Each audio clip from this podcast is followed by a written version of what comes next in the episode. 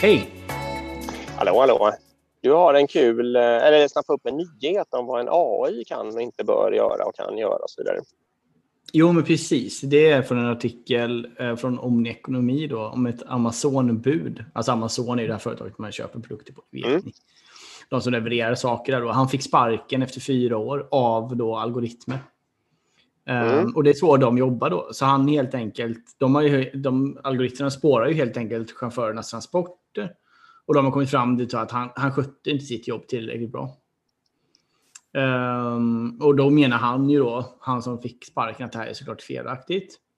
Och han menar att han blir straffad då för att det finns faktorer typ som att, alltså saker som är bortom hans kontroll, typ låsta dörrar eller portar och sånt där. Mm. Um, och då har de, de har pratat om Amazon och Amazon säger det att ja, de är medvetna om att algoritmerna ibland skulle kunna eh, liksom, eh, fatta felaktiga beslut. Men det är det här som är intressant då, att Jeff Bezos, eh, han säger ändå att han är övertygad om att människor tar, eller att maskiner tar bättre beslut än människor. Mm. Och, då, och Mm, samt att mm. det är en kostnadsfördel då, för de behöver inte ha chefer för alla de här personerna, utan de har ju algoritmer som övervakar dem helt enkelt bara. Och, Mm. ehm, Ja. Det är, ju, det är lite hårt, men så är det ju.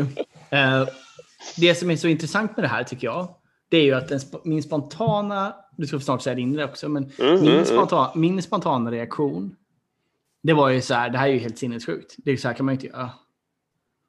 Eh, men sen när jag liksom läste lite vidare på LinkedIn och, och funderade på det ett tag, så är det ju ändå ganska intressant. För menar, det, som jag antog mitt första antagande med att så här kan man inte göra, det är ju att det skulle aldrig hända om det var människor som gjorde det. Men jag tänk dig hur många felaktiga uppsägningar som sker på grund av att det Mm, finns mm. dåliga chefer. Mm. Den, kanske är, den felprocenten kanske är bra mycket större än den felprocenten Mm, som finns här. Liksom. Kan den ju vara, ja. Mm. Nej, det är ju sjukt intressant till att börja med. Ehm, det är ju lite... Vad ska man, det var också ett automatiserat mejl han fick sparken med, tror jag. Ska tilläggas. Det var ingen människa inblandad. lät det som. Nej, han får Alltså, mig. mm. Du får gå. Precis. Men jag kan ju tänka så här då att, eh, att sådana här beslutsstöd är ju troligtvis ofta smart att ha.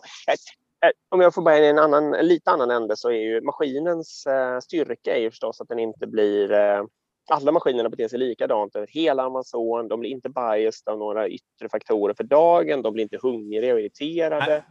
De, liksom, de har ju massa sådana fördelar eh, Mm. som gör att de kan liksom behålla någon form av opartiskhet i alla fall i förhållande kanske till hudfärg och alltså tusen sådana där saker. Mm. Sexuell läggning och whatnot. Liksom.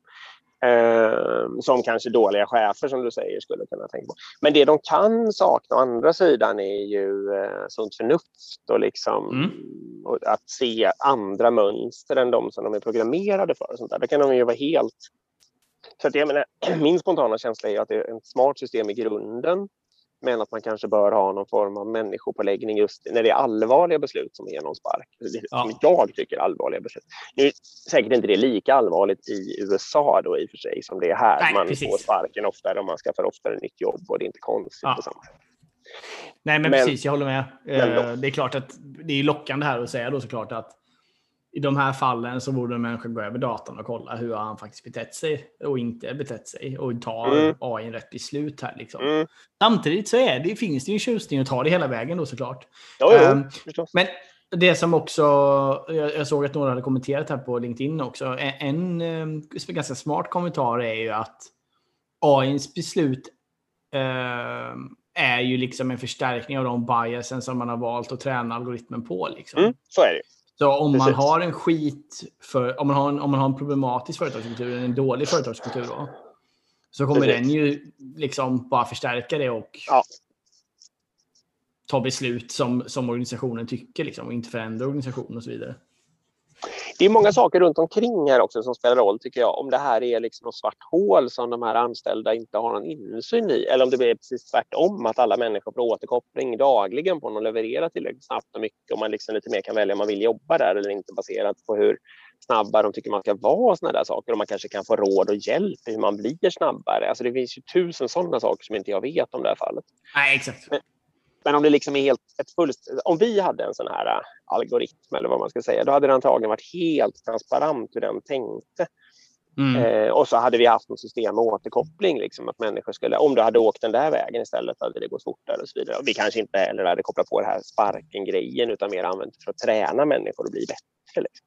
Nej, det intressanta hade ju varit hur, hade, hur vi hade agerat när vi sparkade oss bara. Det är det.